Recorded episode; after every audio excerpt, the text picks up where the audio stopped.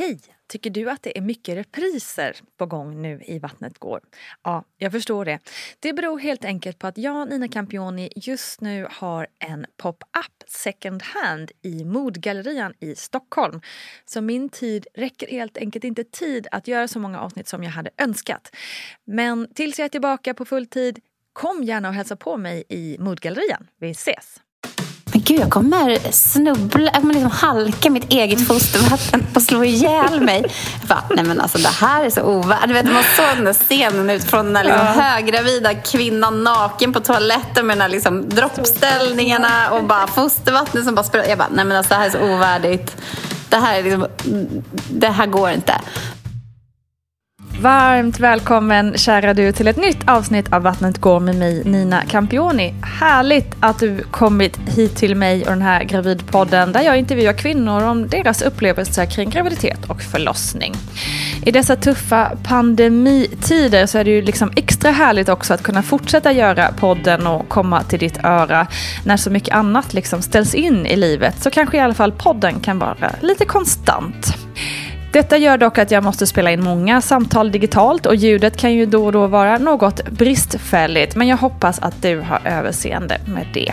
Och samtalet som då ägde rum var med ingen mindre än Emilia Bergmark Jiménez. Och Emilia är ju inte bara otroligt härlig att följa på Instagram där hon verkligen bjuder på sig själv och sina tankar om mammalivet och livet i stort. Men hon är också fotograf och just nu superaktuell med sin otroligt vackra bok en förälders födelse.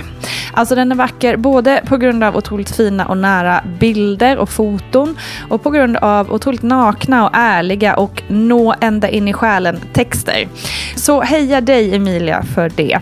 Emilia är också fantastiskt härlig att snacka med så hoppas ni nu ska njuta av detta fina samtal som vi nu ska få lyssna på. Och med oss är också som vanligt världens bästa barnmorska Gudrun Abascal. Här kommer Emilia.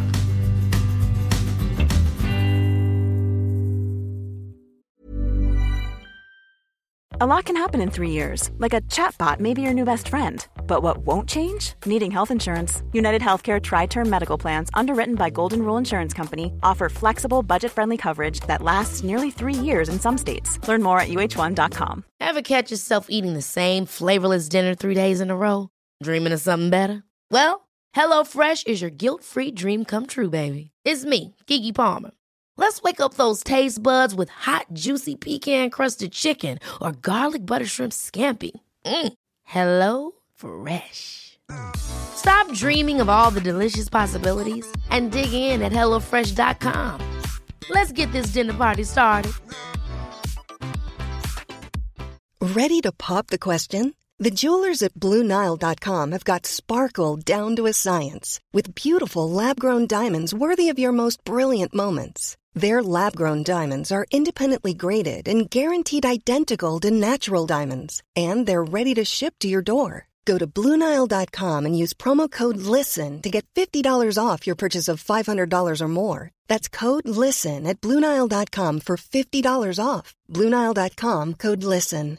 This is Paige, the co host of Giggly Squad, and I want to tell you about a company that I've been loving Olive and June. Olive and June gives you everything that you need for a salon quality manicure in one box. And if you break it down, it really comes out to $2 a manicure, which is absolutely insane. It's also so easy to get salon worthy nails at home with Olive and June. The difference between how your nails used to look when you did them yourself and now with the Manny system is a complete game changer. The best thing about Olive and June too is it's a quick dry, dries in about one minute, lasts for five days, and full coverage in up to one to two coats. Visit oliveandjune.com slash perfect Manny 20 for 20% off your first system. That's oliveandjune.com slash perfect Manny 20 for 20% off your first system. System.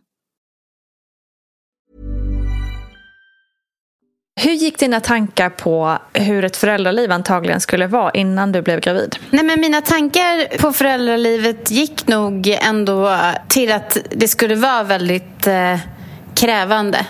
Och att det skulle mm. liksom eh, vara ojämställt och att det skulle krävas liksom väldigt mycket av mig för att kunna liksom fortsätta vara jag och mm. till exempel fortsätta jobba som jag gör. Jag är frilansfotograf, jag driver eget företag. Att liksom fortsätta ha den liksom, det kreativa spacet eller så här, som jag ändå kände att jag behöver ha. Eh, mm. Och Sen tror jag att jag också tänkte att det skulle krävas mycket för att jag och min kille är väldigt olika. Liksom, jag har väldigt mycket så här, känslor och uttryck och så här, närhet och värme. Allting kommer bara. Liksom. Men för honom, han är liksom, en, mer, liksom mer reserverad. Jag tänkte att det kommer krävas av mig att jag liksom på något sätt tar lite steg tillbaka så att han får liksom chans att kliva in. Alltså, ja, på något vis. Mm. Så jag tror ändå att jag hade um, alltså jag hade mycket tankar på att det skulle krävas liksom en strategi. Um, mm. och så jag utformade ju liksom en strategi för mitt föräldraskap. Och det var väl liksom lite på något sätt där som det började att det blev lite fel. Liksom. Att jag tänkte ju att så länge som jag har den här strategin och vi håller oss till den och vi delar och vi är jämställda och jag går till mitt jobb och liksom gör min alltså så här, inte ger upp för mycket och jag liksom, så kommer inte det här att vara så jobbigt som det är för alla. Alltså jag tänkte liksom att det här jobbiga som man liksom ser eller att det, här, att det påverkades väldigt mycket av att väldigt många har ojämställda föräldraskap. Mm, um, och det... Nej men det, det, blev ju inte alls så. Alltså den, jag tror att den här strategin den har ju hjälpt på många sätt. Liksom, speciellt i längden. Men det var ju absolut inte någonting som hindrade det från hela liksom, det här emotionella kaoset som jag ändå upplevde att det var att bli förälder. Just det, det kom en dimension till som är svårt att kanske ta höjd på innan innan man är där? Ja, så för mig var den helt, alltså det var som verkligen en blind fläck. Och det är ju en av de sakerna jag har skrivit i min bok. Att jag känner att det är verkligen, för mig har det varit som att öppna en dörr och gå in och det är, man är i samma rum Allting ser likadant ut, men allt är liksom helt annorlunda. Man är på mm. den här andra sidan och innan man är det så kan man inte sätta sig in i hur det är att vara där. Man kan tänka allt man kan liksom empatiskt och för, liksom, tänka att man förstår. Och man kan träffa andra med barn. Man kan till och med som jag då ha hand om mina kompisars barn och gjort jättemycket och liksom levt med barn. och haft Men det är en helt ny liksom, verklighet. Mm. Så spännande, så bra förklarat. Vi kommer gå in lite mer till eh, på det när, när vi kommer dit till historien, på hur du kände. Eh, men verkligen bra beskrivet. Hur gick då snacket kring vad du har planerat eller mm, hur, hur pratade ni om, om att ni eventuellt skulle skaffa barn? Ja, men jag har nog alltid liksom ändå varit säker på att jag vill ha barn eh, och liksom haft ändå så en stor barnlängtan. Liksom. Sen jag var typ sju år och fick en lillebror så jag var så här, åh, liksom att ja, men, haft det liksom i mig. Um, och det där med barnlängtan är också en sån där grej som jag tänkt jättemycket på i efterhand. Att liksom barnlängtan är inte synonymt med att man är liksom förberedd på vad det krävs för att ta hand om ett barn. Alltså, det är liksom en helt annan parameter.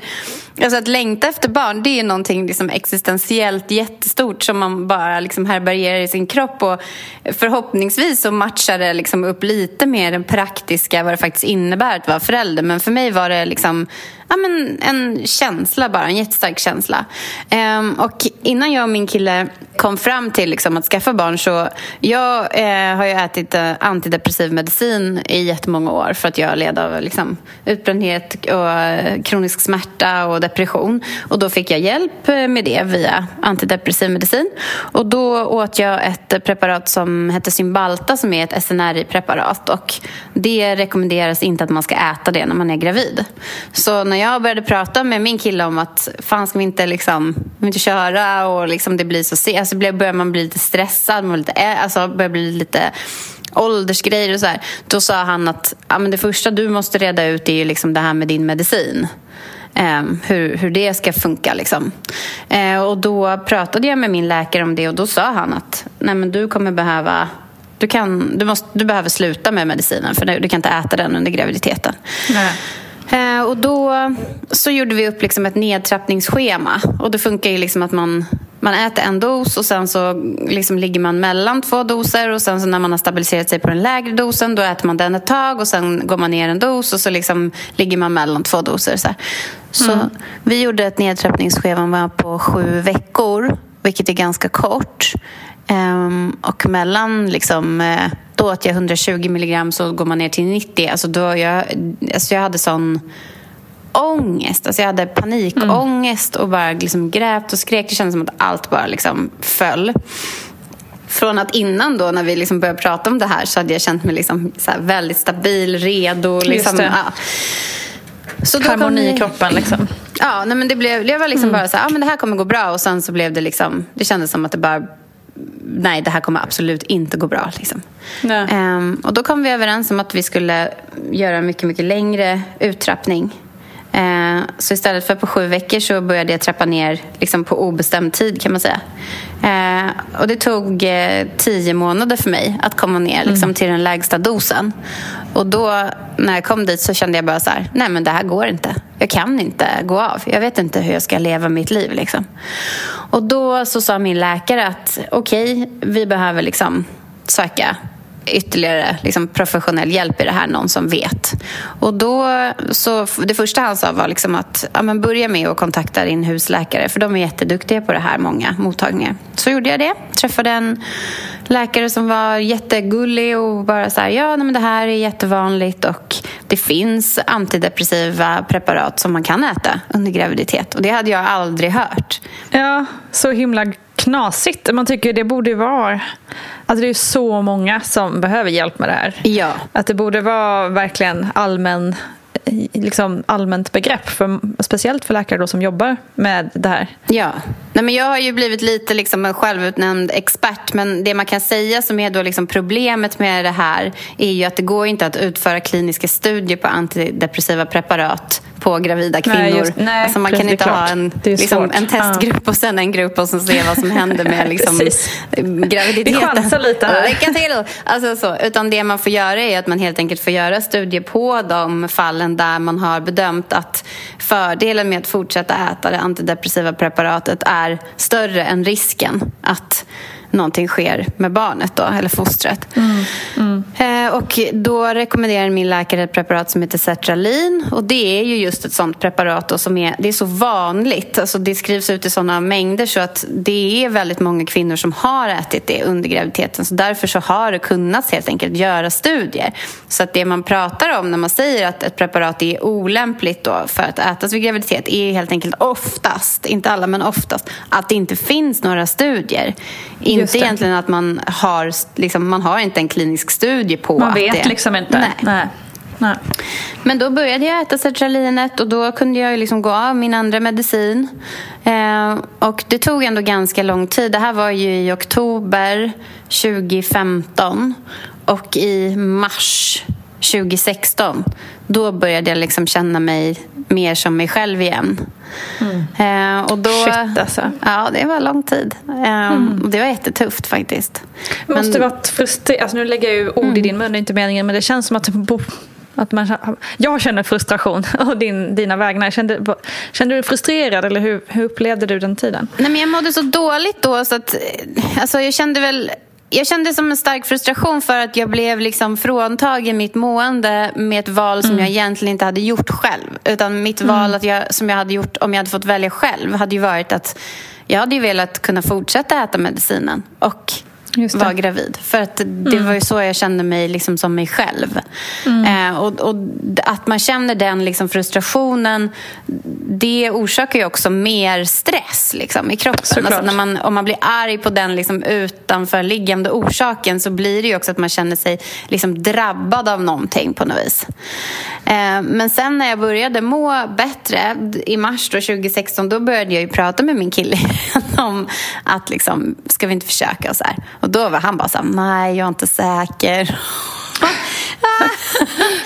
och så, ah, gud. Han bara, okej, okay, då har jag kämpat i ett år här Nej, nu. Men alltså, jag bara, nu brinner jag upp. Alltså, ja, då hade vi några riktigt uh, härliga konflikter om det. Eh, och jag var ju så arg då. Pratstunder. För att, det var inga pratstunder. det var liksom skrik och skrän. Nej, men ja. Jag var ju så frustrerad då. Liksom, jag bara, nu har jag, jag hållit på med det här i ett år och nu är du liksom lite osäker på om du... Ja. Men sen så det är också min kille, han är så jävla långsam. Alltså han är som en jävla marinerare typ. Han ska bara marinera, marinera. Ja, och så bara plötsligt en kväll så liksom oskyddat sex, jaha. Ja, ja. Vad gör vi nu? Ja, vi gör en bebis. Ja, okej. Okay. Ja. Så jag, liksom, och sen så gick det jättesnabbt för mig att bli gravid. Det, Vad härligt. Ja, det var ju verkligen... Erik bara, typiskt. Man fick ligga en gång. ja, nej men, och då... Jag blev jätte, jättesjuk. Jag trodde jag var kräksjuk. Jag får alltid kräksjukan. Eh, Liksom två gånger per år. Så, alltså, jag var så jävla sjuk. Jag bara låg hemma du vet, i ett mörkt rum med så här ispack på huvudet med en hink bredvid sängen. Bara spydde och spydde och spydde. Jag bara, Alltså, jag är döende. Så Åh, hade jag ett jättestort jobb måndag, tisdag. Bara kravlade mig upp liksom, på plåtning, gick och jobbade. Så var jag med min agent. Vi satt faktiskt här på kontoret. Och ehm, då så sa hon så här, men eh, tror inte att du är gravid? Jag bara, fan jag tror att jag är gravid. Och då när jag kom på det, då bara, men gud, alltså. Ja. ehm, Jag är gravid. Ja, jag är, grav- jag är gravid. Alltså, så Ja. bara sprang till apoteket. Jag, så här, jag gick faktiskt på en bokrelease på kvällen. Svepte ett glas vin. Sprang till apoteket. Sista kvällen i frihet. Sista glaset. Exakt. Eh, och gick till apoteket köpte typ så tre test. Gick hem. Bara la påsen med testen på bordet framför Erik. Jag bara, jag tror jag är gravid. Nu ska jag gå och kissa på den här stickan. Han bara satt typ så här helt tyst i köket. Jag bara gick och kissade. Alltså du vet det där plusset det var så, var så snabbt. Det bara Ja. tjoff sa det bara. Och i den sekunden så kände jag bara så här. Nej, men det här är hundra procent. Jag bara det här är. Alltså, för mig var det verkligen så här. Alltså, jag, jag knöt liksom an till barnet när jag tittade på den där stickan. Liksom. Det var... Det var så jävla starkt ögonblick för mig. Eh, Erik helt likblek typ. Och jag bara grät. Jag var så här, jätteglad. Jag bara, vi ska ha ett barn. Du vet, och han bara, åh herregud. Alltså var helt så här. Men jag, jag, då var jag bara så här. Det här är eh, liksom eh, tusen procent riktigt liksom, i mitt hjärta. Ehm, Fan vad fint. Ja, det var faktiskt... Det var liksom som eh, ja, men en sån känsla man har haft. att bara så här, man, man kanske inte har vetat om det skulle passa eller om det var...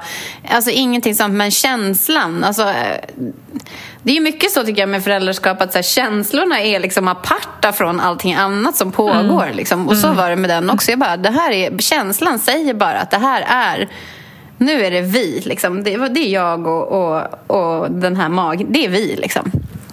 Det var helt... Och så var det liksom faktiskt under hela graviditeten.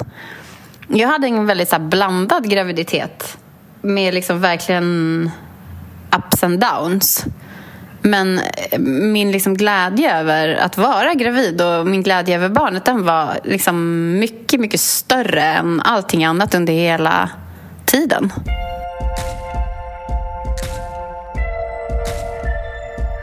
Det är så fantastiskt att höra för att det är ganska vanligt, eh, så var det för mig och det är ganska vanligt just alltså för förstföderskor att man liksom har lite svårt för att fatta vad det är, vad det är som händer. Liksom. Att man kanske inte alls emotionellt har så lätt att knyta an. Liksom, både under graviditeten och också eh, efter när man har fött till och med. ju. Så det var himla underbart att höra tycker jag. Ja, Men jag tror också att det var ju också lite av ett lur. Alltså precis som det här med att jag hade ett strategi. En strategi så det var ju också ett, ett lur. För att, alltså när jag var gravid, jag, jag har ju PMDS ehm, och har ju jättejobbigt liksom, med de här svängningarna. Och så blev jag gravid och då försvann ju det. Eh, och just det. Sen hade jag liksom en ganska jobbig graviditet liksom fysiskt. Alltså först Mm. mådde jag jätte, jätte, jätte illa och kräktes liksom Mm. hur mycket som helst de första 20 veckorna. Och sen så fick jag någon så här kronisk huvudvärk liksom, varje dag klockan tre. Så bara, äh, måste ligga i sängen bara, liksom, för jag hade så ont i huvudet. Och sen Ja. från vecka 27 hade jag så mycket sammandragningar så jag kunde inte liksom, gå på en promenad ens. Och sen så Mm. fick jag restless legs. Ehm, Ja, okej. alltså, Men gud, du har, det låter som en jättejobbig graviditet. Alltså det var så jobbigt. Och alltså det här med Åh, restless fy. legs när man är gravid. Ja. Det kanske du kan ha som en fråga till. Mm, verkligen. Vad är det här restless legs egentligen och kan man göra något åt det? Ja, ska vi sätta en liten tjusig namn på det också så kan man kalla för Willis Ekboms sjukdom. Restless legs, om man ska Okej. fina namn på det. Och eh, det här, alltså man vet inte riktigt anledningen till varför man får de här nervkänslorna liksom, känslorna i benen och pirrningarna och så vidare. Men man misstänker, om jag då ska gå på det viset att misstänka sjukdom beror på nedsatt mikrocirkulation. Och, det, och det händer då när man inte rör mycket på sig. Då kan man ju förstå nästan lite grann att då stannar cirkulationen upp och därför så är det. Och det här är man kan se att den här sjukdom som, som kan vara, inte bara när man väntar barn, utan det, det kan vara, den kan vara lite ärftlig, att den finns i släkten säger man och så vidare. Och så här. Och vanligast är att den debuterar någonstans i 30 till 40-årsåldern. Så att säga.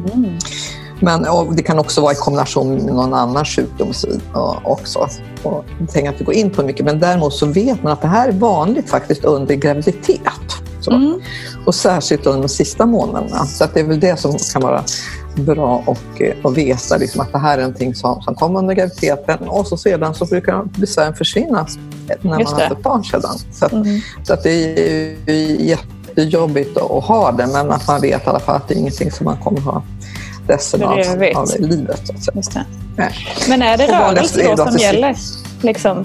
Ja, att man, att man kliver upp och så rör på sig. Eller, alltså man säger bara så att man ser det här. Ofta så är det inte när man i dagtid är uppe och rör på sig så märker man inte så himla mycket av det.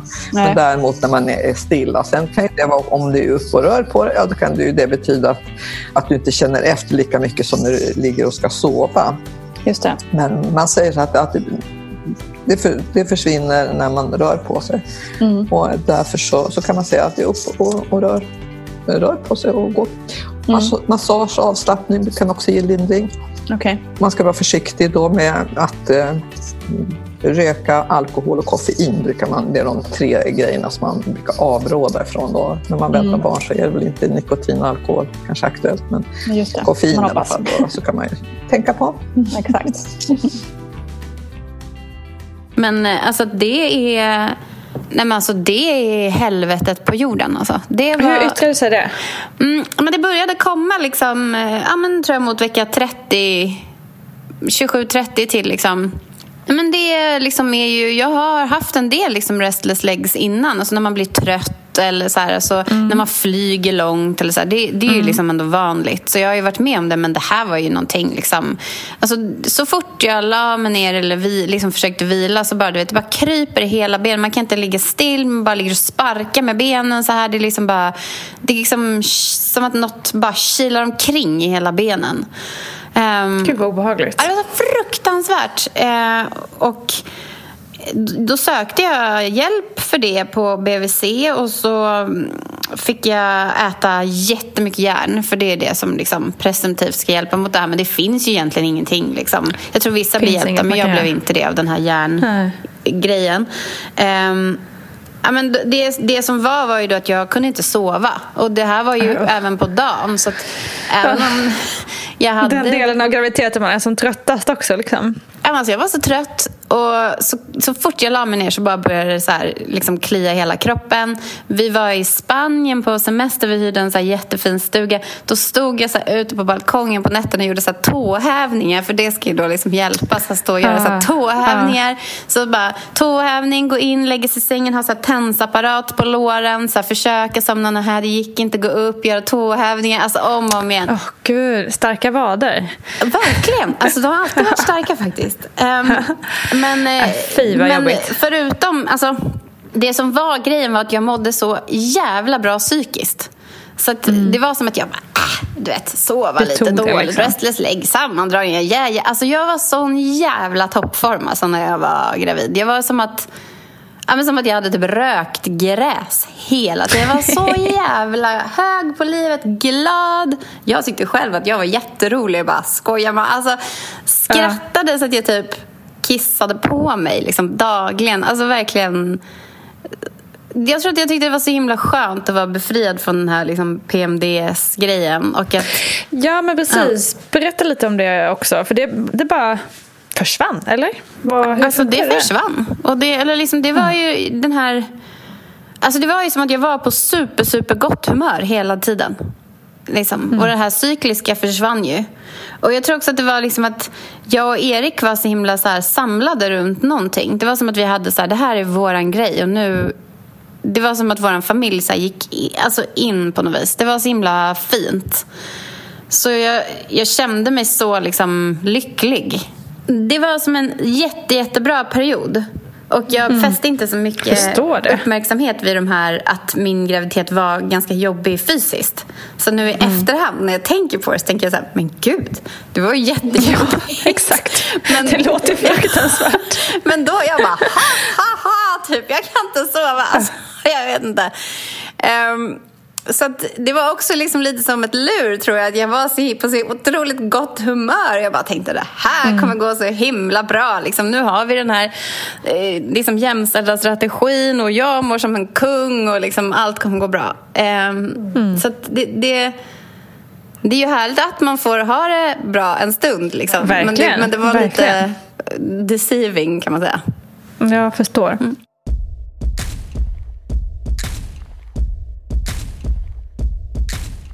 Ja, fy fasiken. Precis, så här, man lyssnar på det man bara, men gud, det låter fruktansvärt. Sen, men det är ju fantastiskt att du var så glad och känns lite hög på livet ett tag ja, men det var verkligen rätta ordet tror jag. Alltså, det, det har ju, jag har ju bara ett barn. Ehm, Och jag tror att alltså, det finns många orsaker till det. Men tanken på den här graviditeten, det är ju verkligen en av dem. Att jag tänker att, aha, hur blir det, hur blir det liksom? Det. Ja. Hur förbereder du dig på förlossningen? Alltså, jag tror så här. Jag tror att jag trodde att jag förberedde mig. Liksom, jätte- så här, du vet, som man gör. Liksom. Jag läste liksom, Gudrun Abascal och Föda utan rädsla och den här som också heter Att föda läste jag. och Eh, Vi gick på profylax. Eh, det var jättebra. Liksom. Det slutade dock med att jag hade en diskussion med barnmorskan om eh, att jag inte skulle amma och hon blev superstressad för att jag liksom tog upp det här inför hela gruppen och försökte liksom tysta mig som att jag skulle göra liksom reklam för ett dra andningsfritt ner andra i fördärvet. Det var exakt så. Det var typ en annan tjej där som satt på toaletten hon bara jag ska inte heller amma. Tycker det var jättebra att du tog upp det. Typ. Så att, men det var verkligen som att hon bara, Åh, vi ska inte tala om det här nu. Typ.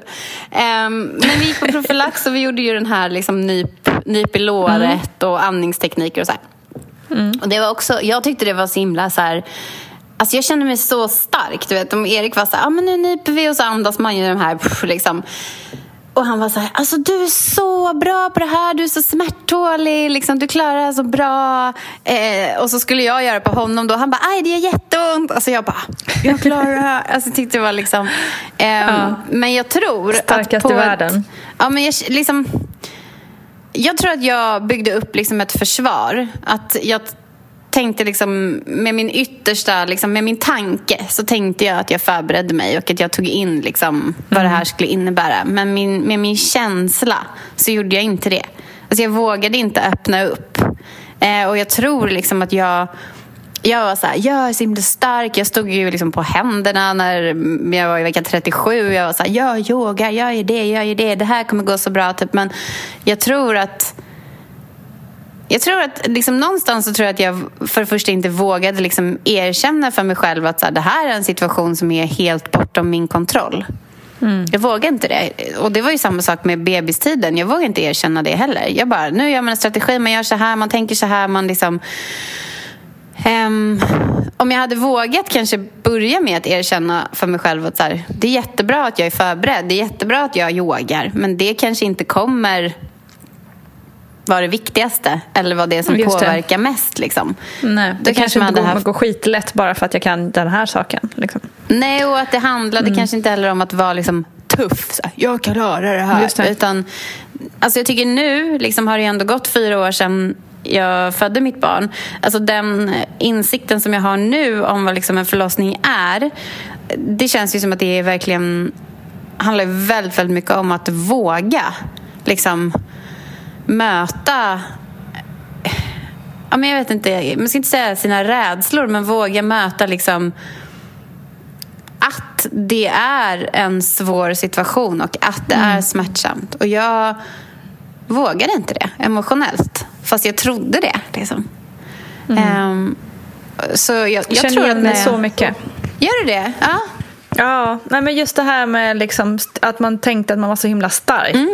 Som att det skulle vara själva det som skulle bära eller brista. Att det Mm. var det som gjorde att man kunde gå igenom en förlossning på ett bra sätt. Om man Mm. var stark eller inte. Eh, och det har ju egentligen inte så mycket med det att göra. Liksom. Nej, jag tror att, Förstår man ju. Ja, jag tror att det jag har sett, alltså jag har ju sett en förlossning, jag har ju varit med på en, en förlossning. Och det som, nu kommer, nu kommer tårarna. Det som jag blev så tagen av på den förlossningen var att hon, den mamman, det känns som att hon vågade liksom vara närvarande i att det var smärtsamt och jobbigt och liksom att hon, hade ju, hon var ju där liksom och gjorde allt det här arbetet men hon var ändå närvarande. Liksom. Det var så Mm. himla fint. Och det, nej men det, var, det har betytt jättemycket för mig i efterhand att jag fick se det. Liksom. Nej, men jag förberedde mig och jag tror att jag trodde att jag var väl förberedd. Och liksom, vi var på besök på sjukhuset. Jag hade ju möte då med personalen innan eftersom jag äter antidepressiv medicin och för att jag inte ville amma. Eh, Så då får man gå på så förberedande samtal och liksom, det kändes jättebra. Vi fick kolla på förlossningsrummet och liksom, ja, det var ju på Södertälje sjukhus precis innan de renoverade så det såg ut som liksom en fyllecell på Mariapol. Men vi var så här, ja det blir toppen liksom. Ehm, Så jag tror att jag, att jag tänkte att jag var förberedd. Men jag tror att jag var jätte, jätte, jätterädd.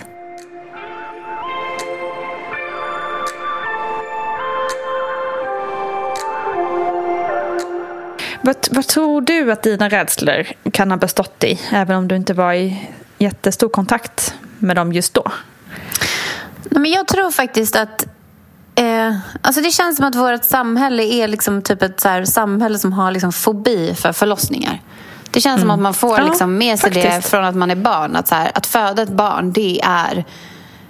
Det är bara äh, det är blod och det är, äh, äh, man spricker. Äh, liksom, alla har ju hört det. Och ingen vill det. Ingen vill spricka. Ingen vill bajsa på sig. Alltså, Ehm, den här bilden liksom av att det bara kommer ut någonting så här ur en som bara, och, och, och det är så smärtsamt och det bara blöder, det finns ingen med. Alltså, det, det vet man ju när man lär sig någonting om förlossning, att det finns en mening med förlossningen. Den har en, den har en struktur och en form. Liksom. Eh, och de, den var helt okänd för mig. Sen läste jag ju mycket då i de här böckerna, liksom att föda och så. Och då fick det ju mer struktur och mer liksom mening. Okej, den här verken betyder det här, det här skedet är det här, nu roterar barnet så här. Det finns liksom olika skeden och så här. Men alltså jag tror att bara den här liksom rädslan att våga släppa liksom hel, alltså att, att, att slappna av i hela sin kropp, att våga att låta någonting liksom pressas igenom en och liksom komma ut och att vara avslappnad och inte göra motstånd mot den smärtan. Alltså jag tror att det är så många som är helt livrädda för det. För att vi liksom tränas i att hålla emot, typ. Så är det ju verkligen. Och jag tänker också att det är så här, som du var inne på, så här, att vi har ju från barnsben lärt oss att det är för jävligt Ja. egentligen att föda. Eh, och att det ofta är en sån klinisk process. Ja, exakt. Det är liksom sjukhus och det är det ena med det fjärde. Liksom. Mm. Det är inte så mycket snack om det urmoderliga, att det är naturligt, att det är något vackert, att det Ja. är något positivt. Att det, är, det är nästan all Nästan all liksom, diskussion kring det är ju ganska negativt.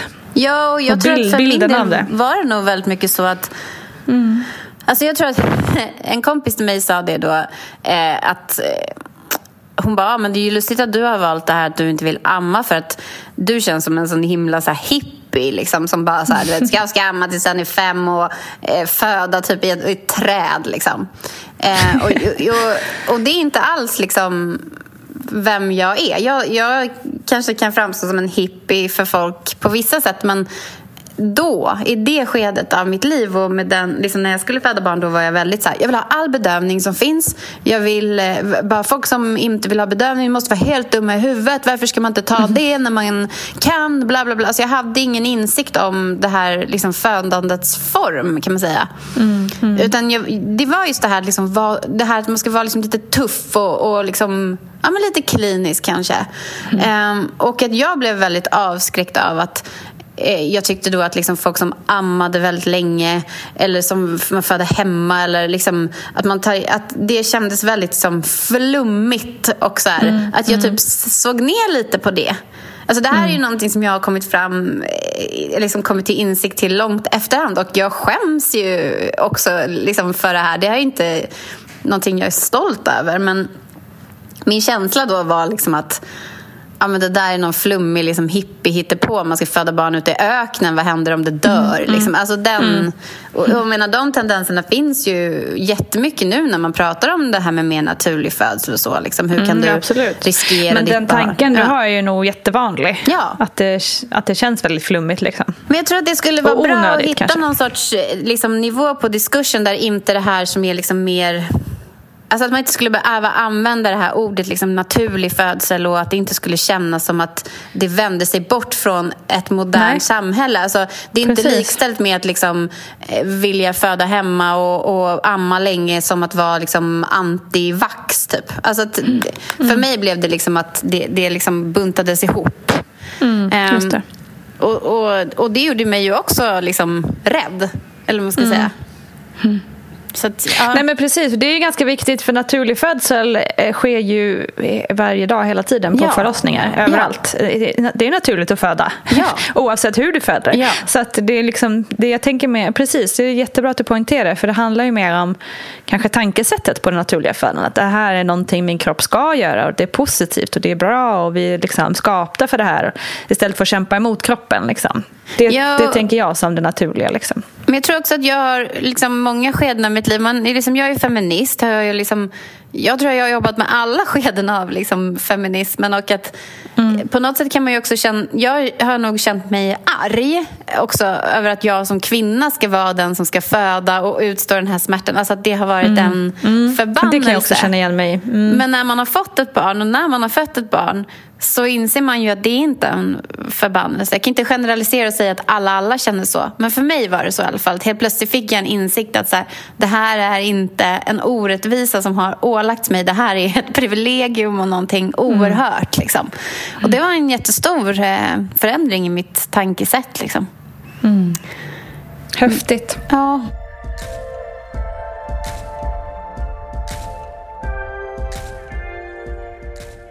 Du, apropå det här med amning, vad var det som gjorde att du inte ville amma?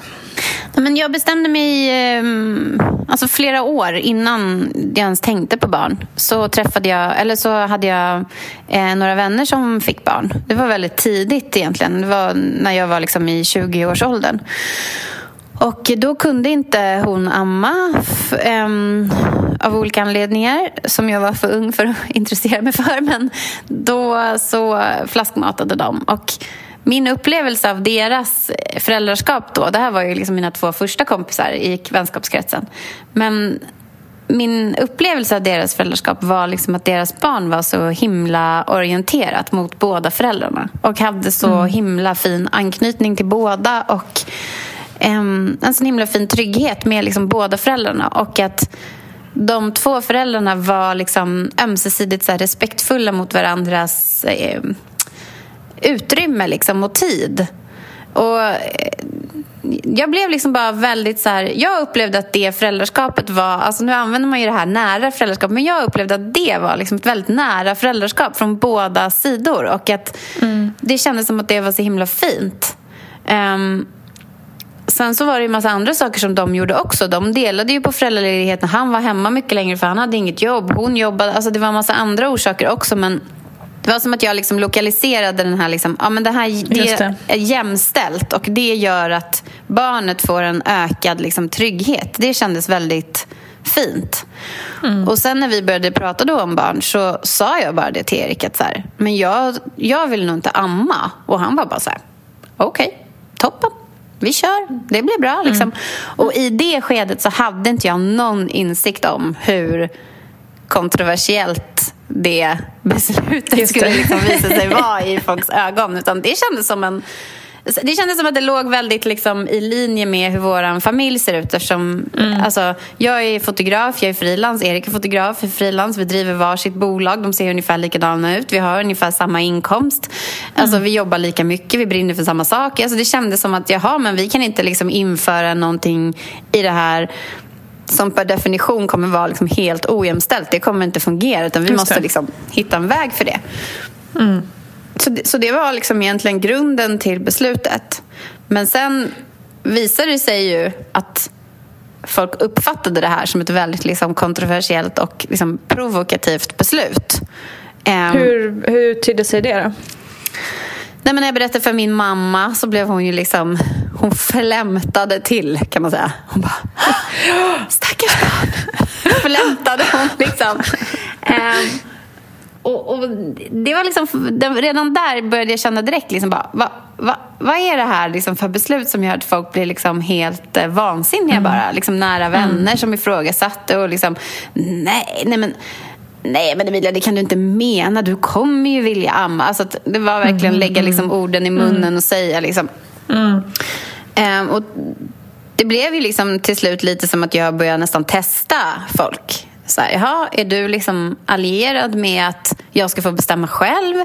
Eller liksom, håller du på att värna om någon liksom konventionell kvinnoroll här? Och varför då i sådana fall? Alltså att, det var ju också liksom min uppfattning om amning att man inte kunde vara jämställd om man ammar. Och den uppfattningen har jag ju inte nu. Och jag, har ju också för, liksom, jag vill också poängtera det. att så här, Det var ju inte enbart att jag inte skulle amma utan det var ju också att vi delade på liksom, föräldraledigheten varannan vecka. Vi har tagit liksom, varannan natt, vi har tagit varannan matning. Vi har liksom, så att jag, vill, jag vill vara jättenoga med att säga det att jag vet att liksom, jämställdheten ligger inte i amningen. Men det här var en del av den planen och strategin som vi hade för att ha ett jämställt föräldraskap. Och det har varit bra. Alltså på många sätt har det varit jätte, jättebra och på många sätt har det varit superjobbigt. Som det är. Som det där. Som ja, det är. Men Mm. Så spännande att höra dina tankar om, eh, om det här. Ready to pop the question? The jewelers at BlueNile.com have got sparkle down to a science with beautiful lab grown diamonds worthy of your most brilliant moments. Their lab grown diamonds are independently graded and guaranteed identical to natural diamonds, and they're ready to ship to your door. Go to BlueNile.com and use promo code LISTEN to get $50 off your purchase of $500 or more. That's code LISTEN at BlueNile.com for $50 off. BlueNile.com code LISTEN. Hold up. What was that? Boring. No flavor. That was as bad as those leftovers you ate all week. Kiki Palmer here, and it's time to say hello to something fresh and guilt-free. Hello Fresh. Jazz up dinner with pecan-crusted chicken or garlic butter shrimp scampi. Now that's music to my mouth. Hello Fresh. Let's get this dinner party started. Discover all the delicious possibilities at hellofresh.com. This is Paige, the co-host of Giggly Squad, and I want to tell you about a company that I've been loving, Olive and June. Olive and June gives you everything that you need for a salon quality manicure in one box. And if you break it down, it really comes out to $2 a manicure, which is absolutely insane. It's also so easy to get salon worthy nails at home with Olive and June. The difference between how your nails used to look when you did them yourself and now with the Manny system is a complete game changer. The best thing about Olive and June too is it's a quick dry. Dries in about one minute, lasts for five days, and full coverage in up to one to two coats. Visit oliveandjune.com slash perfectmanny20 for 20% off your first system. That's oliveandjune.com slash perfectmanny20 for 20% off your first system. Hiring for your small business? If you're not looking for professionals on LinkedIn, you're looking in the wrong place. That's like looking for your car keys in a fish tank. LinkedIn helps you hire professionals you can't find anywhere else, even those who aren't actively searching for a new job but might be open to the perfect role. In a given month, over 70% of LinkedIn users don't even visit other leading job sites. So start looking in the right place. With LinkedIn, you can hire professionals like a professional. Post your free job on linkedin.com slash people today. Since 2013, Bombas has donated over 100 million socks, underwear, and t shirts to those facing homelessness. If we counted those on air, this ad would last over 1,157 days. But if we counted the time it takes to make a donation possible, it would take just a few clicks. Because every time you make a purchase, Bombas donates an item to someone who needs it. Go to bombas.com slash ACAST and use code ACAST for 20% off your first purchase. That's bombas.com slash ACAST, code ACAST.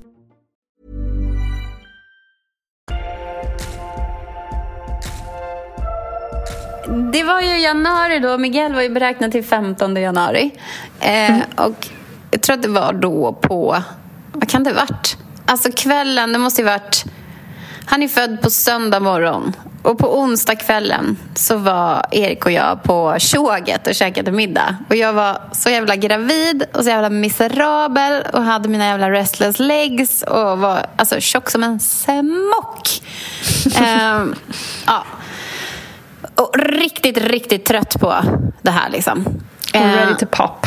Ja, jag bara, nu var jag verkligen redo ut med det bara. Mm. Eh, och så kom vi hem och så la jag mig i sängen och så kände jag liksom att det blev så blött mellan benen. Jag bara liksom flög upp och bara skrek Jag tror vattnet har gått! Liksom. Yes. Eh, men det var inte så mycket vatten. Utan det var liksom, ja, lite grann. Men då satte jag en sån här binda i trosan för det hade jag läst att man skulle göra. Man ska sätta en binda så ska man se liksom, om den blir blöt Mm. och det är klart. och så här, då, då är det då det. vattnet. Ehm, och sen så tog det kanske en kvart och sen fick jag liksom en verk. Inte liksom någon jätteond historia, men så här, nu börjar det liksom. Då ringde vi till BB så sa jag det, jag tror mitt vatten har gått och jag har fått verkar. Och då sa de att ja, men om du vill kan du får komma in och verifiera att du har en vattenavgång men du kommer inte få stanna utan det är säkert långt kvar. Liksom. Eh, och då så sa jag att nej men det vill inte jag, jag då stannar jag hemma och så kan jag komma in imorgon. Eh, För det här var på kvällen och vi skulle gå och lägga oss. Och sen så gick jag och la mig och tänkte jag att jag skulle försöka sova. Eh, och och det, det gick ju inte. Sen hade jag ju verkar då liksom... Ja, men det började kanske var tionde minut och sen var nionde, åttonde, sjunde. Alltså det pågick liksom hela natten och jag fick liksom ligga där och försöka så andas mig igenom det där. Även om det inte var liksom så, så jättetätt så gjorde det ändå liksom jävligt ont helt enkelt. Och sen på eh, dagen då så åkte vi in till BB. Och då hade de jättesvårt att förstå. Liksom, var det en vatten... Alltså de var så här, vi, vi förstår Aha, inte. Liksom, hinnorna är intakta. Alltså ner till liksom. Men då efter mycket om och men så kom de i alla fall fram till att det hade blivit liksom en pyspunka. Ehm, och Okej. det, det där har jag liksom hört om. Att, eh, alltså Det är ju två fosterhinnor liksom, och det kan börja läcka liksom, fostervatten då från den ena. Ehm, så det var, det var liksom att det hade kommit igång. Det kallas för för tidig vattenavgång. Och då kom, kan det komma igång liksom lite men det har ju inte en full kraft liksom, som en, om vattnet går liksom neråt till exempel. Det har inte kommit igång på riktigt typ Nej. då, eller vadå? Nej.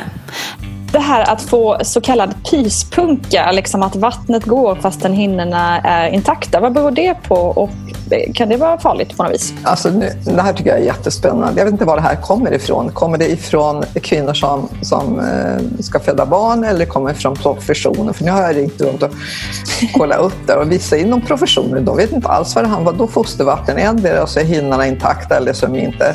Utan det där kan bero på att slemproppen har gått och så, så löses den upp och blir väldigt tunn och så tror man att det är fostervatten. Mm. Sen finns det andra som tänker så här, det finns ju två hinnor så att säga. Och så finns det någon som säger då att ja, det kan ju vara så att den ena hinnan, den yttre hinnan som omsluter barnet, den, kan, den kanske kan bli lite tålig och så finns det lite fostervatten emellan och så kan det pysa ut och därför kallas det för pys. Men det, här finns, det finns inga studier gjorda på det och det finns, ja, jag tror att man är he- helt utelämnat till den man frågar. Så att säga, Just det. hela. Okej. Och det, det är ing, ingenting om, det kom, om det kom, man kommer in till en förlossningsavdelning så gör man den här kontrollen för att se om fostervattnet har gått. Och är det så att, att det är den här om det har varit någon sån här pyspumpa när, som, som kvinnan uppger. Och är det så att det inte kommer något fostervatten så säger man så här, men det är helt okej, okay, du behöver inte vara orolig för någonting, det är ingenting som är farligt, det är inte farligt för barnet och ingen infektionsrisk och så vidare. Just det. Men det här, jag tycker att jag fick lika många svar som jag frågade. Så att, eh, ja. inte. Utan det, det, är att man får åka in, har man det om man misstänker att vattnet har gått, då tycker jag då ska man åka in till den förlossningsklinik som man ska föda på så undersöker man och så får de konstatera då, är det, har vattnet gått eller inte. Har inte, man inte ser något mer fostervatten, ja då säger man nej, det, det är så. så. Ja. Ja.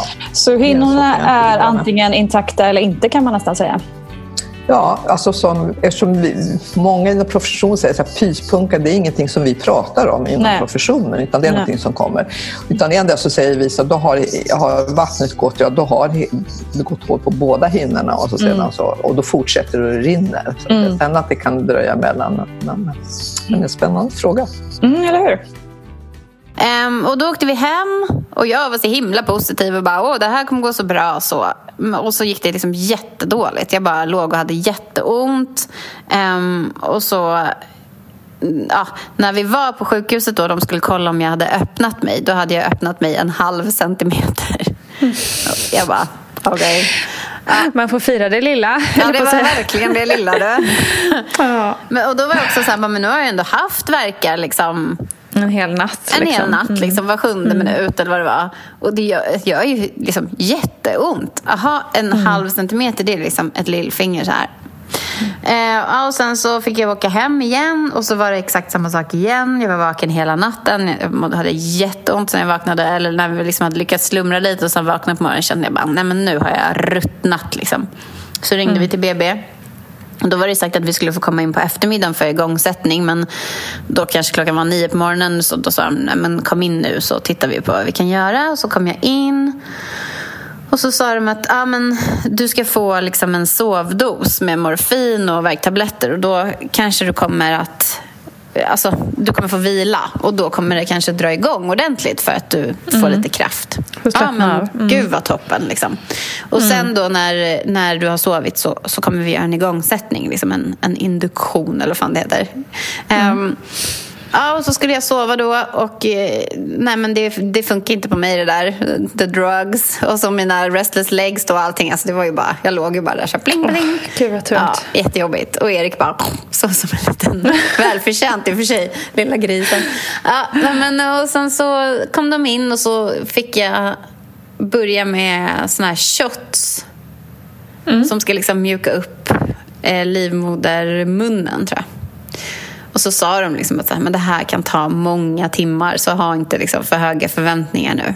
De satte igång det där och så hade jag ju verkar och vi gick och duschade och vi gjorde det och vi liksom väntade och väntade och jag tog liksom massor av verkar. Och sen så, nej det var så här, det var ju det som var det konstiga med det här.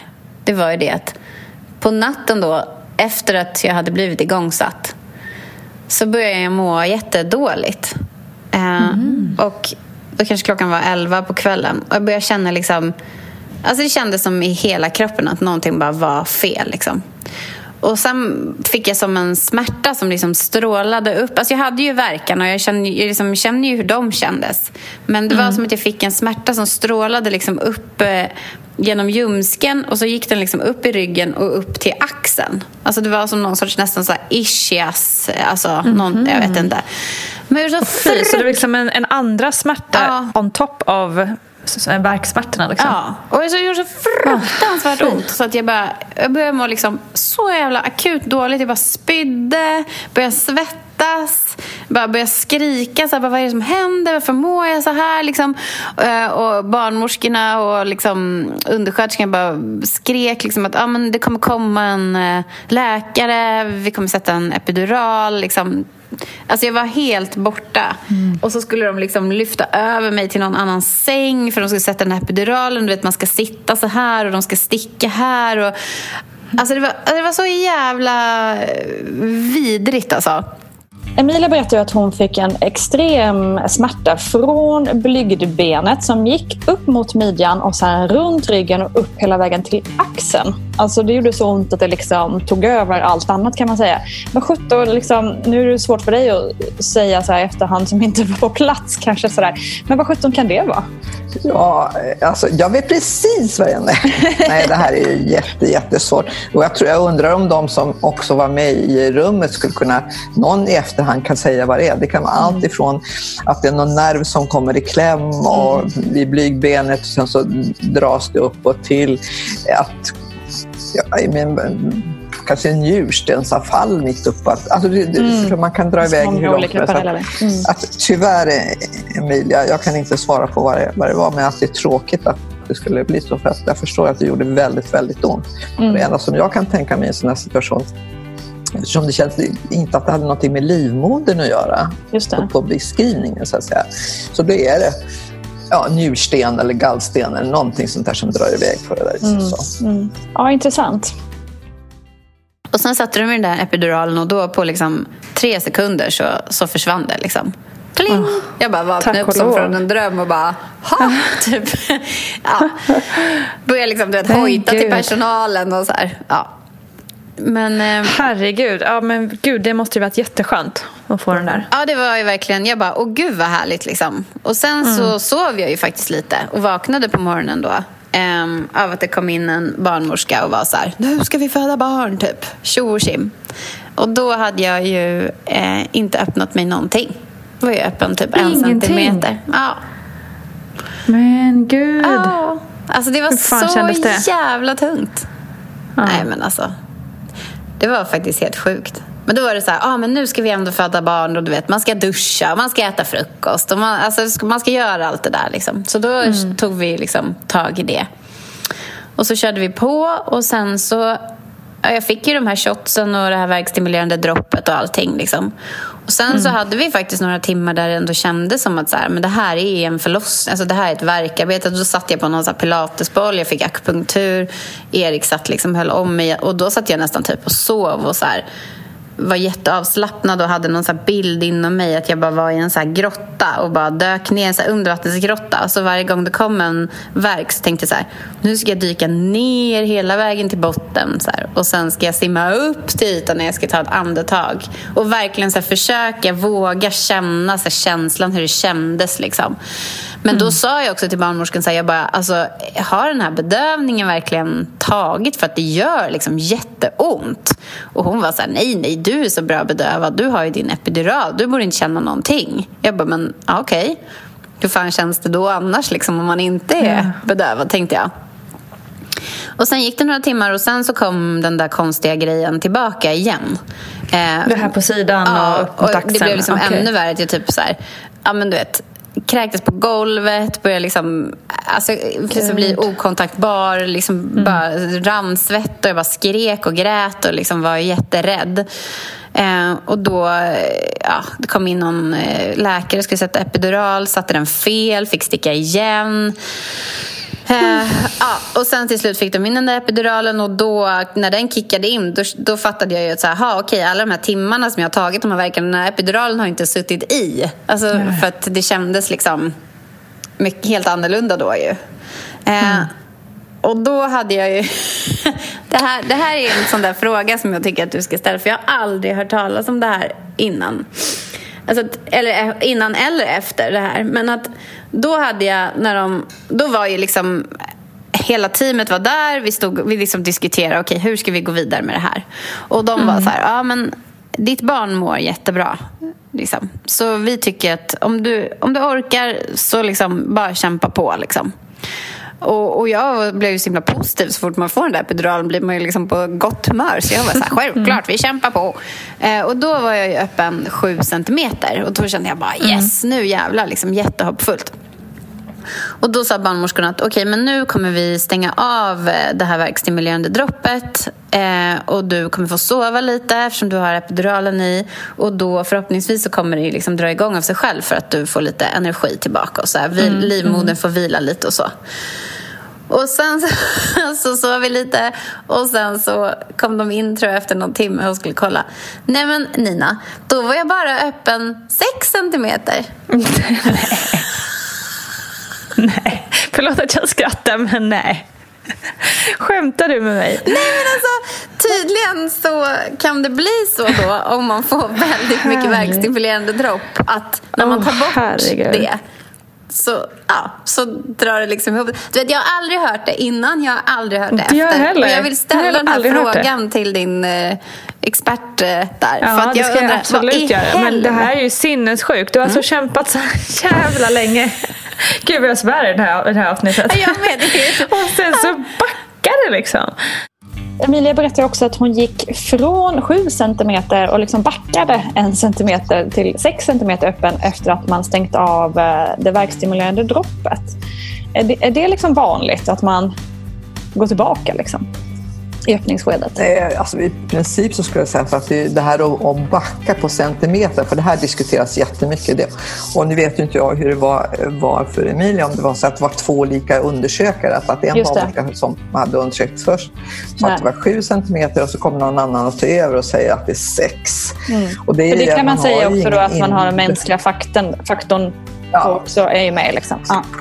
Precis, för man har ju inget, inget måttband som man kan mäta Nej. utan det är en känsla mellan fingrarna och så vidare. Sen kan väl jag också tänka mig så här att, att om det var öppet 7 centimeter när det här verkstimulerande droppet gick och, och verkarna kom tätt och pressade på, att barnets huvud trycker mera mot modermunnen och då på det viset då pressar ut det lite mer. Sen när man stänger av droppet så åker kanske barnets huvud tillbaka lite grann och pressen från barnets huvud mot modermunnen blir inte lika stark och därför så går det tillbaka lite. Men det är ju bara min...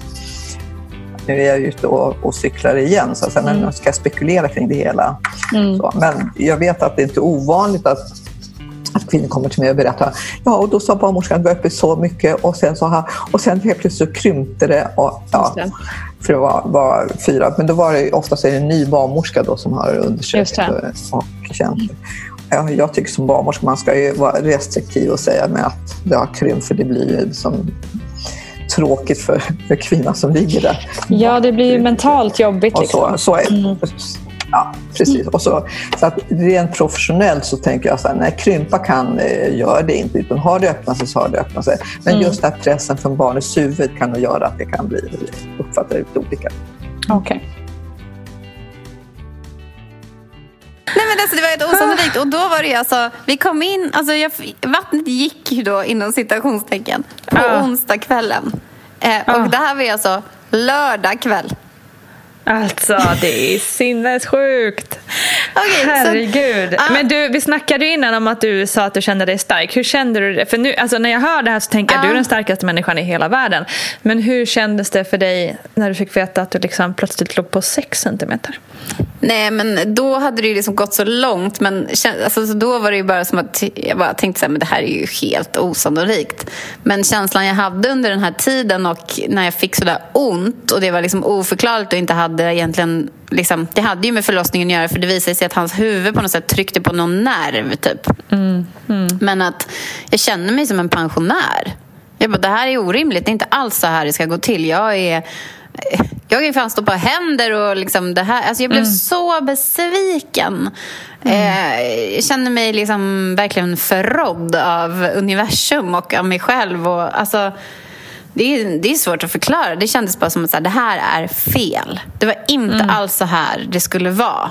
Och... ehm, det hör väl ihop med min liksom, vilja att kontrollera saker och vilja att alltså, ha en plan och vilja fullfölja den. Och så här, jag vet inte, men jag har alltid tänkt att jag har så himla så här, go with the flow-attityd och allting. Men det visade sig sen att det var inte alls så. Jag hade väldigt starka bilder tror jag av hur det skulle liksom, på något sätt. Ja, eller att det absolut inte skulle vara så här i alla fall. Nej, men det känns ju också som att alltså, så är det väl kanske för de flesta att det blir ju sällan som man hade tänkt sig. Men Mm. Nej. det här verkar ju också varit lite Det är en out of extrem. ordinary. Ja, det var extrem. Så Klappa dig själv på ryggen Ja. lite nu tycker jag. Ehm, Men sen ja, då... nej, men jag förstår tungt. Nej men alltså det var ju som ett skämt. Men då hade jag en jättebra barnmorska som var lite så sträng och bara liksom, vet du vad? Nu kämpar vi på, nu gör vi upp en plan. Eh, det här kommer vi, nu följer vi det här timme för timme. Liksom, vi sätter på droppet igen, vi fixar det här. Liksom. Ditt barn mår bra. Ja, och så jag var så här, ja, vi kör. och sen så började jag känna liksom att det började liksom trycka på så jävla mycket där bak. Liksom att jag bara, jag måste gå på toa, jag måste gå på toa. Och alla barnmorskor bara, nej, nej, det, du behöver inte gå på toa. Det är bara Um, att det känns så, liksom, barnets huvud. Och, så mm. och Erik gick liksom och la sig och låg och slumrade på någon säng och jag liksom bara, nej men fan jag måste gå på toa. Liksom. Och då hade ju vi ingen toalett på rummet utan vi hade liksom en, det var en korridor och så gick man över och så låg toaletten på andra sidan. Och så hade jag ju då, för då hade jag också börjat få feber så jag fick liksom antibiotikadropp och så hade jag ju då epiduralen och droppet. Släpa mig över korridoren. Jag ska fan gå och bajsa. Liksom. Ingen ska säga till mig. liksom, ta mig över där korridoren, sätter mig på toaletten. Kan inte bajsa, kan inte kissa för att... Äh, äh, ja, vad fasen var det man inte kan kissa? Ja, jag kunde inte kissa i alla fall. Äh, och, och, så börjar jag få så här, du vet när epiduralen gör att det kliar. Har du hört om det? Alltså man kan få klåda liksom, av epiduralen. Ja, så, ja, ja. Jo, det bara precis. kliar okay. mm. på hela kroppen så jag bara började vet, så här, slita av mig oh. kläderna, bara slänger ner dem på golvet. Sitter där inne på toa liksom, naken. Och också att det bara rann ut så här, litevis med fostervatten. För det kom liksom under hela förlossningen. Ah. Att det bara kom nytt mm. och nytt. Eftersom jag höll på så länge så, höll, så fylls det ju liksom på. Mm. Så det bara rann ner fostervatten på benen där. Och, liksom, och då tänkte jag så här, men gud jag kommer snubbla, jag kommer liksom halka mitt eget fostervatten och slå ihjäl mig. Jag bara, nej men alltså det här är så ovärdigt. Man såg den där scenen utifrån den där liksom ja. höggravida kvinnan naken på toaletten med den där liksom droppställningarna och bara fostervattnet som bara spröt. Jag bara, nej men alltså det här är så ovärdigt. Det här, är liksom, det här går inte. Så bara hasade mig tillbaka in på rummet och ringde på klockan då på min barnmorska. Bara, vet du vad? Nu, nu har jag haft det. Liksom. Mm. Och hon bara, okej, okay, men kollar vi. Och då så kollade de och då hade jag inte öppnat med någonting. Så att, då sa hon bara, nu bryter vi. Mm. Och så fick Erik sätta på sig sina operationskläder och så kom en läkare och eh, satte den här epiduralen igen eller vad han gjorde. Och så ja, rullade de ner med en våning liksom. Och så var det som ett mm. rum. Man kom in. Ja, och så var det liksom dags för snitt. Det gick ändå ganska fort från att det bestämdes. Mm. Hur kändes det beslutet? Ah, men alltså som en... Så skönt. Mm. Det var så stark känsla också. Så här, men jag vill ha honom nu. Nu vill jag ha mitt barn. Jag vill inte sitta här med mitt jävla fostervatten. Jag vill ha honom. Liksom. Så det kändes så skönt. Så när man kommer in Alltså det var så mäktigt. Du har inte gjort några snitt, eller hur? Nej, Nej. jag har inte det. Ja, men det, alltså det är så mäktigt med snitt. Alltså det man kommer in i ett rum, det, var liksom, det är ett stort liksom upplyst rum, så det är så kakel från golv till tak. Liksom. Och så rullas man in, så låg jag, man ligger så ut med armarna liksom så här. Och sen så, så presenterar alla som är i rummet, de presenterar sig liksom. Säger, ah, jag är, det är jag som är kirurg, det är jag är det, jag är det, jag är narkosläkare, jag är det. Eh, och så, så sa de bara att ja, men nu Emilia ska vi liksom göra det här. Eh, mm. Och så börjar de ju liksom att snitta och, och Alltså det, man, det gör ju inte ont, liksom. men man, jag, jag, tror, jag har hört om att det är olika, men jag kände liksom allt. Alltså det gör ju inte ont, men man känner. Känner inte händer något. Uh. Ja. Hur var det? Var det, var det obehagligt? Eller låter obehagligt? Men det, det inte... alltså, det, dels är det ju jätteäckliga ljud. Det låter ju så här. Uh. Alltså, ja. Och sen så...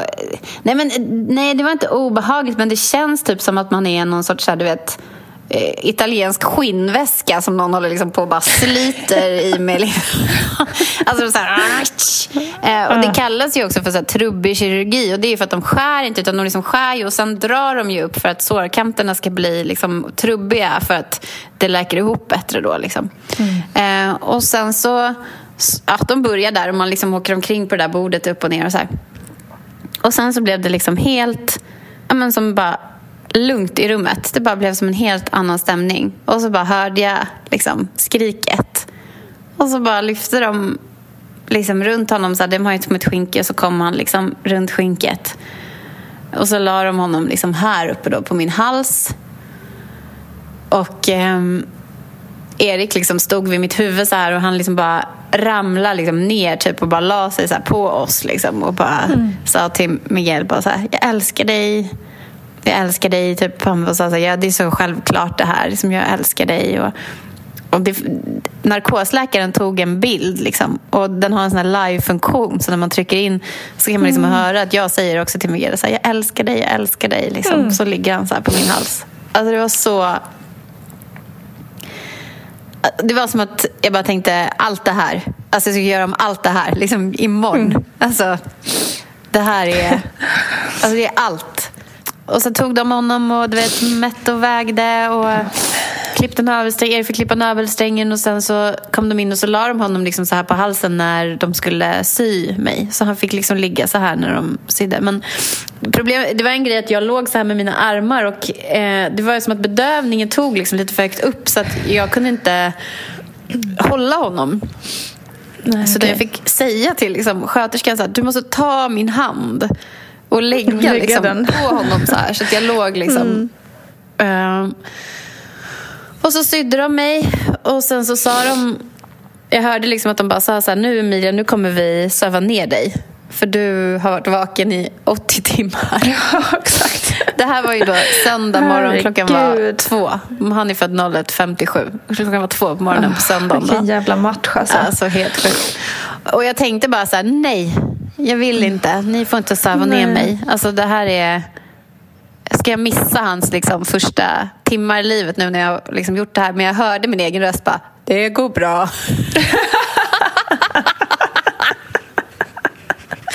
Och sen så, så bara, liksom medan de rullade ut mig ur det här rummet så bara tjoff blev det svart. Liksom.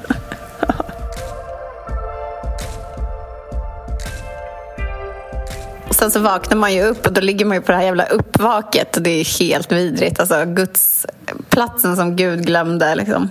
Mm.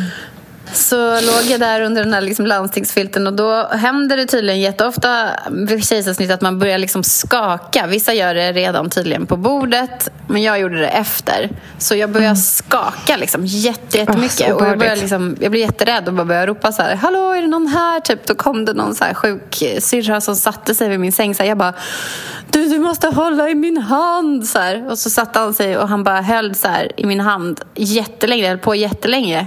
Så bara satt han och bara tittade rakt in i mina ögon. Så här. Han bara, det går bra, du behöver inte oroa dig. Allt kommer gå bra, typ. Mm. Eh, efter kejsarsnittet så började Emilia skaka något enormt. Eh, så att man liksom typ fick hålla i benen för att det skakade så mycket. Ehm, vad kan det vara? En reaktion på medicinerna eller liksom smärtstillande? Eller, eller är det en psykisk reaktion? Vad tror du? Kan det vara finns olika anledningar till det. Jag kan tänka mig att som vi själva inom professionen pratar om att, och framför allt efter om man har en ryggbedövning så, säga, så kan man få någonting som heter shivering. Alltså fen- fenomenet shivering, att man skakar och man tror att man får en em, dilapation av blodkärlen som gör att det här fenomenet kan, kan uppkomma. Så, så, att, så att det, shivering är, är det som vi pratar om, att man skakar och framförallt vid ryggbedövning.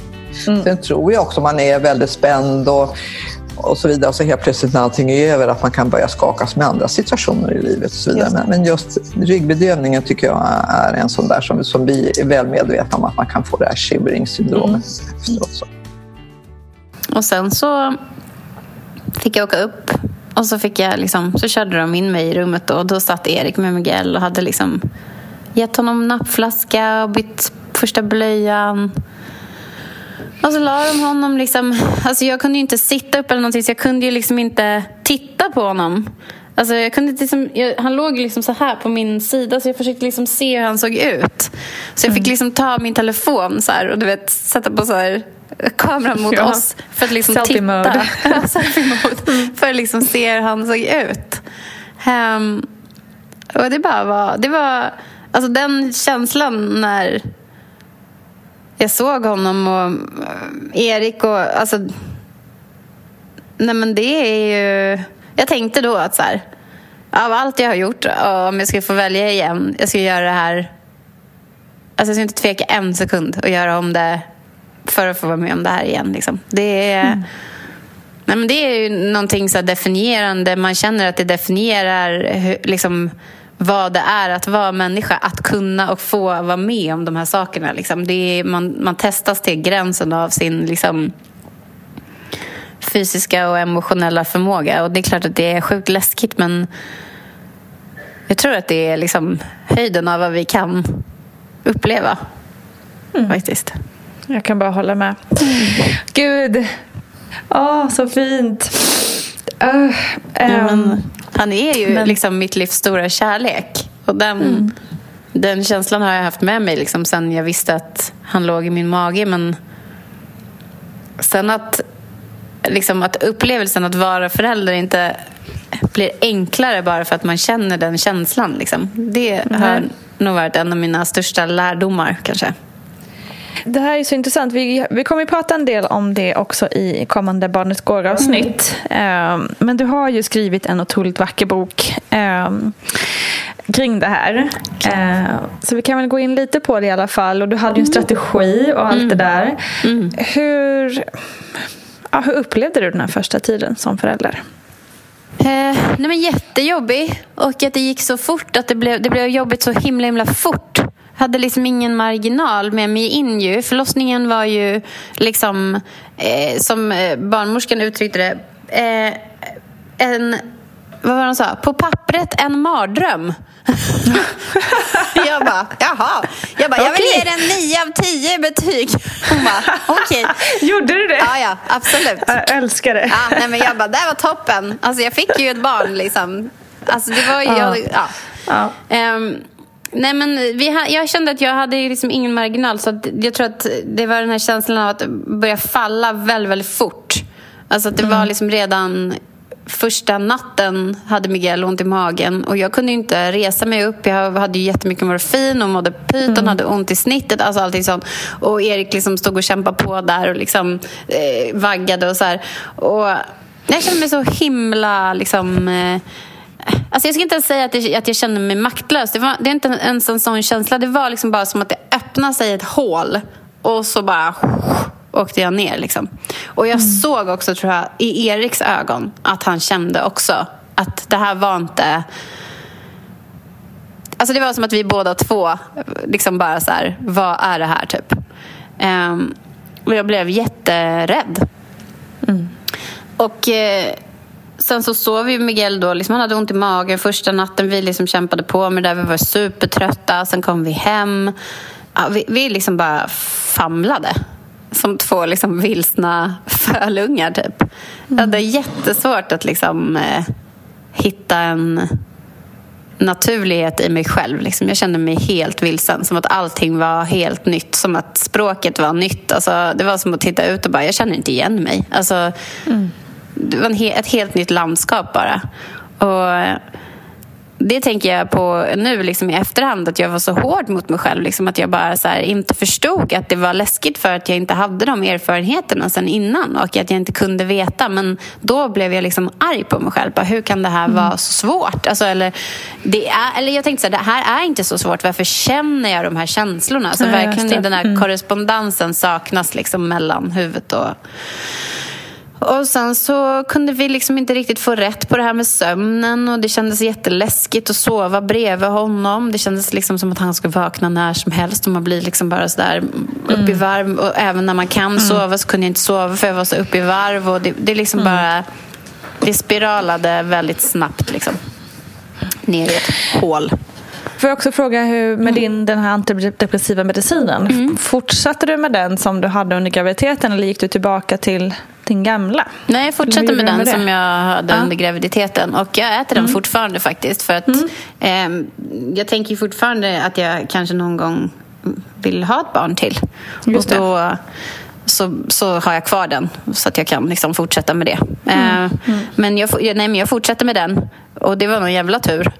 Annars vet jag inte. Det, det, blev inte roligare för det kan jag säga. Men, ja, nej, men, eh, mm. Jag har fortsatt att äta den. Men eh, alltså, i sanningens namn så måste jag säga att liksom, de här första tio månaderna det gick ganska fort till att jag kände att det här är, fruk det är fruktansvärt jobbigt. Alltså, det var på mm. många plan. Liksom, det ett, liksom ett existentiellt plan framför allt, tror jag. Massor av liksom funderingar och känslor. Och, och, alltså, han sov ju jättedåligt. Han började väl med att sova ändå ganska okej okay, liksom, fram tills ja, men när han, alltså förutom det här då att man matar liksom var tredje timme man är uppe, alla de här grejerna, så sov han väl liksom okej.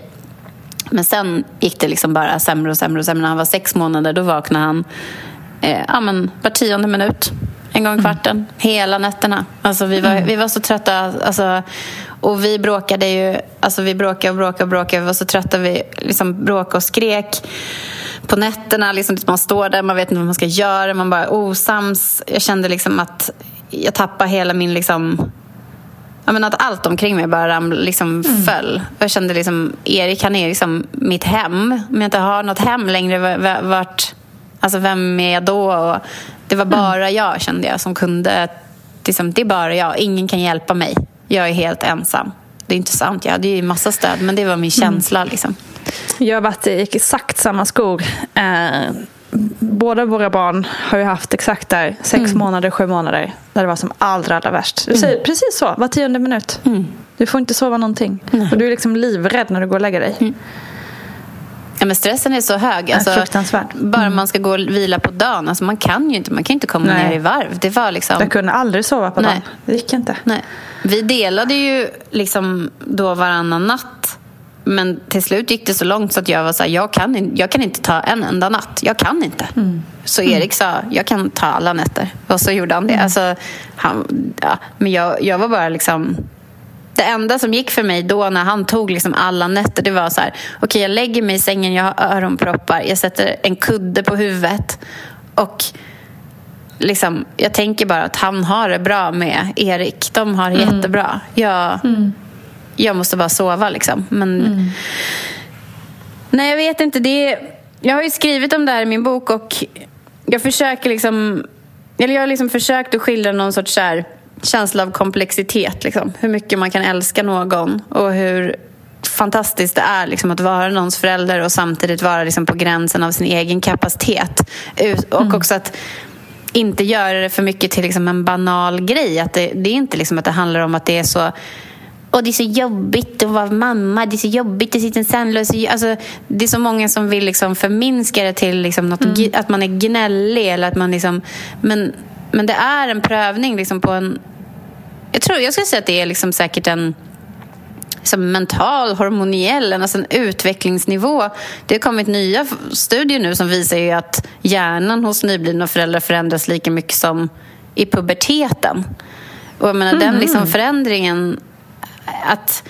Det var intressant. Ja, men det var faktiskt en stor artikel i DN bara häromdagen. Mm, Ehm, det har jag kan skicka den till dig. Men Jag gärna söka. Mm. Att de här liksom, eh, ja, vad man kallar då för de gråa partierna i hjärnan, de minskar. Och där liksom sitter det jättemycket då så här, ja, men, nerver, känslor, mottagning, alltså tolkningsämnen, massa saker. Så man, liksom, man blir mycket mer specialiserad men man Mm-hmm. slutar känna sig som sig själv helt enkelt. Um, Gud, vad intressant. Ja, det är så jävla intressant. Det är så liksom, logiskt också. Med tanke Ja, på hur faktiskt. man kan må. Liksom. Verkligen. Eh, sen när Miguel var sex månader, vi hade ju en gathund från Rumänien som jag adopterade några år innan Miguel föddes. Och han dog jätteplötsligt. Eh, när Miguel var sex månader. Han bara föll ihop på gräsmattan och dog. Och han var ju liksom min bästa vän och, och verkligen i den här perioden en enorm liksom, tröst och ett sätt att komma ifrån och liksom gå ut och gå med honom. Alltså innan Ja, men han var ju alltid med mig, alltid liksom, som en del av mig själv. Och den upplevelsen var ju... Alltså det var så overkligt. Vaknade liksom på morgonen och öppnade dörren och så sprang han ut och sen en minut senare var han död. Och så stod jag där bara och Miguel satt på golvet liksom, och du vet bara titta på en och jag bara liksom... Alltså det var så overkligt, det kändes som att jag levde i ett parallellt universum liksom i... Alltså det var som att bara så flera minuter så förstod jag inte att han var död heller. Så det var som att han liksom levde och var död samtidigt. Alltså det var så overkligt. Och sen var det ju bara, det var ju bara som att öppna, alltså det var bara öppna en, ett svart hål. Och det pågick fram tills att han var nästan ett år, när han började sova ordentligt. Erik sa, nu orkar jag inte mer. Nu måste vi, vi måste ta tag i det här. Och så gjorde vi någon sorts liksom, hemsnickrad somna själv, liksom, sova själv-metod med vi la honom i liksom sängen och stod bredvid och sa liksom att nu är det natt, nu ska vi sova, allting är bra. Och så tog det fem nätter och så sov han en hel natt första gången. Och vi bara... Erik bara skrek champagne på morgonen. ja. Gud, vilken känsla. Alltså. Ja, det var faktiskt. Och sen dess har han ju faktiskt... Alltså det, det, ja, jag tänker ändå kanske att vi förtjänar det lite med att han har sovit så bra. Han, nu mm. sover han som han... Alltså, så det är så skönt. Och han sover liksom så gott. Han har sitt eget rum och sin egen säng. Och han tycker det är så toppen. Och liksom, vi sover jättebra. Och så här. så att det blev ju en vändning väldigt fort när han började sova. Mm. Och det är också så sorgligt att man då i efterhand tänker att så här, mm. jaha, jag förstår. Liksom. Jag mm. förstår att min desperation och allting kommer från det här men jag, kunde, jag har inte kunnat se och jag har inte kunnat veta vad jag ska göra åt det och jag har inte kunnat påverka det. Liksom. Nej. Jag kan också känna det så himla sorg, sån sorg över att liksom, båda mina barn, för mm. hela deras första år, mm. så var jag ingen glad person. Nej, alltså, inte jag heller. Jag hade jättesvårt för att mm. vara liksom där i nuet med dem mm, hela tiden och bara uppskatta bebisåret. Mm. Uh, för att jag mådde ju skit liksom. Uh, och det känns ju jättedeppigt mm. så i efterhand. Ja, men jag, jag tänkte jättemycket på det här när folk Folk säger ju faktiskt eh, så här, Åh, vi är i bebisbubblan. Man liksom skickar något sms till någon som mm. kompis som har fått barn. Så här, Grattis, hur känns det? Hur mår ni? Åh, ja, men det är bra. Vi är i bebisbubblan. Alltså den där jävla bebisbubblan. alltså den som har myntat uttrycket bebisbubblan borde fan få straff. Alltså. Det, alltså, det, det var liksom... Det var så långt ifrån det på så många sätt under så lång tid mm. för mig och för Erik. Mm. Alltså, och för mm. så många andra också som liksom, jag pratar med och som all respons jag får på min bok, liksom, det är ju verkligen... Det är jättetufft och man... Jag vet inte. Jag kan ju absolut inte känna att jag är glad för att det hände. Jag kan inte känna att jag liksom är tacksam över att det var så tufft eller jag är inte tacksam för det som hände med Mikey och jag är inte liksom glad över det. Liksom. Men, men jag kan ändå känna att det har ju såklart liksom gett mig en ökad så här, en ödmjukhet som jag inte hade innan. Mm. Um, som jag hoppas att jag hoppas att den ödmjukheten jag har nu kan väga upp för hur jag var innan jag fick barn mot kompisar jag hade som hade barn. För att, mm. Och att jag liksom kan också ta den ödmjukheten nu när jag ska bemöta andra som kanske har det tufft. Och... För jävlar, alltså det... Det var en riktig resa. Mm, ja. Åh, oh, fy fanken alltså. Uh-huh. Det är ju det som är så sjukt nu. Man är så här, mega glad över att man är över den där jobbiga tiden. Mm. Men samtidigt så bara, åh, en liten bebis till. Mm. Åh, tänk att få gosa lite med en liten bebis. Mm. Man vill ju ändå tillbaka. Mm. Men jag tror att det är det som en sak som jag tycker är liksom det intressantaste som jag faktiskt har lärt mig genom att bli förälder. Eh, alltså innan Miguel föddes så tänkte jag liksom att jag försökte inte ha några liksom förutfattade meningar vem han skulle vara. Men det är klart man har liksom föreställningar ändå. Mm. Eh, men det jag har liksom förstått när jag har lärt känna honom liksom mer och mer eh, det är att han Alltså han är inte bara på ett sätt.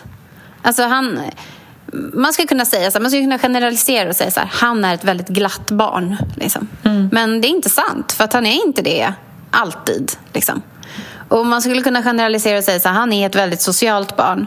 Eh, men det är inte heller sant, för det är, han är olika. Liksom. Han är olika i mm. alla situationer. Han är glad ibland, han är utåtriktad ibland, han är blyg ibland, han är, liksom, han är pillig och han är yvig. Och han, är liksom, alltså han har alla. Och det har också fått mig att se de egenskaperna, dels hos mig själv, men dels hos andra människor. Att det här liksom generaliserandet som vi håller på med när vi beskriver varandra och vi beskriver situationer Mm. Det gör att vi tappar de här nyanserna. Att, att, att vara förälder är så fullt av nyanser och komplexitet mm. som eh, liksom är jättesvårt att beskriva med ord. Så jag förstår att det, det inte pratas om det. Liksom. Men för mig har det varit liksom nog den största insikten ändå att det är en värld som är liksom mycket rikare än eh, det det var innan. Och vokabuläret mm. räcker inte till till att beskriva det. Och man måste vara snäll mot både mot sig själv liksom, men också mot andra för att man vandrar i någon helt ny värld. Liksom, där man inte har varit innan. Ja, du är otroligt duktig på att beskriva målande eh, och sätta ord på det vi många av oss känner. Du, innan vi avslutar. ehm, för det första ska jag säga att man kan läsa mer av dina tankar och vackra ord i din otroliga bok. Och så vill jag avsluta med att fråga om du har några tips och råd till blivande föräldrar där ute. Nu har vi ett A4-papper här. Ja, visst, nu. Nej, men nu är bara anteckna. Nej, men nej, jag tycker det är jättesvårt med det här tips och råd-grejen för att det förutsätter ju på något sätt att man har någon typ av lika förutsättning och det kanske man inte alls har. Mm. Men, men en sak som jag faktiskt tänker på det är det här, så här det är väldigt svårt att sätta sig in i hur en situation som man aldrig har varit i innan är. Och att det är väldigt svårt att förstå kanske vad, vad det betyder. Men för mig har det varit att tänka på det här, så här jag var i en situation där jag inte kunde använda mig av några av mina tidigare erfarenheter. Och det var väldigt svårt. Ehm, alltså jag tänker att det kanske ändå hjälper någon att, att tänka så. Att det här är ändå någonstans där man, där man kan vara väldigt vilsen. Och det är helt eh, normalt. Det är en otroligt liksom, livsomställande situation och du är ny. Världen är ny. Liksom. Bra. Det är väldigt mycket nytt, helt klart, med barn. Varje dag. Alltså, ja. det, det slutar ju liksom aldrig. Men du, vi kommer ju prata mer om den här otroliga nyansfulla föräldrarollen i Barnet går-avsnitt som kommer lite längre fram. Men just nu ska du ha stort, stort tack för att du ville vara med och berätta Men det din är jag story. som ska tacka Nina. Du är så ljuvlig. Mwah. Åh, puss på det. Tusen, tusen tack fina Emilia Bergmark Jiménez för detta otroligt fina snack. En värme att vara i ditt sällskap. Tack också till dig kära lyssnare. Missa nu inte Emilias fina bok En förälders födelse. Och missa inte nytt Barnet Går-avsnitt på torsdag. Vi hörs då. Stora kramar. Hej då!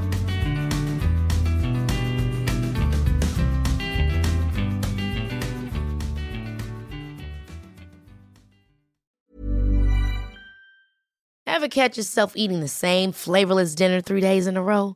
Dreaming of something better? Well, HelloFresh is your guilt-free dream come true, baby. It's me, Kiki Palmer. Let's wake up those taste buds with hot, juicy pecan-crusted chicken or garlic butter shrimp scampi. Mm. Hello Fresh. Stop dreaming of all the delicious possibilities and dig in at HelloFresh.com. Let's get this dinner party started. Even when we're on a budget, we still deserve nice things. Quince is a place to scoop up stunning high-end goods for 50 to 80% less than similar brands. They have buttery soft cashmere sweaters starting at $50, luxurious Italian leather bags, and so much more. Plus, Quince only works with factories that use safe, ethical, and responsible manufacturing.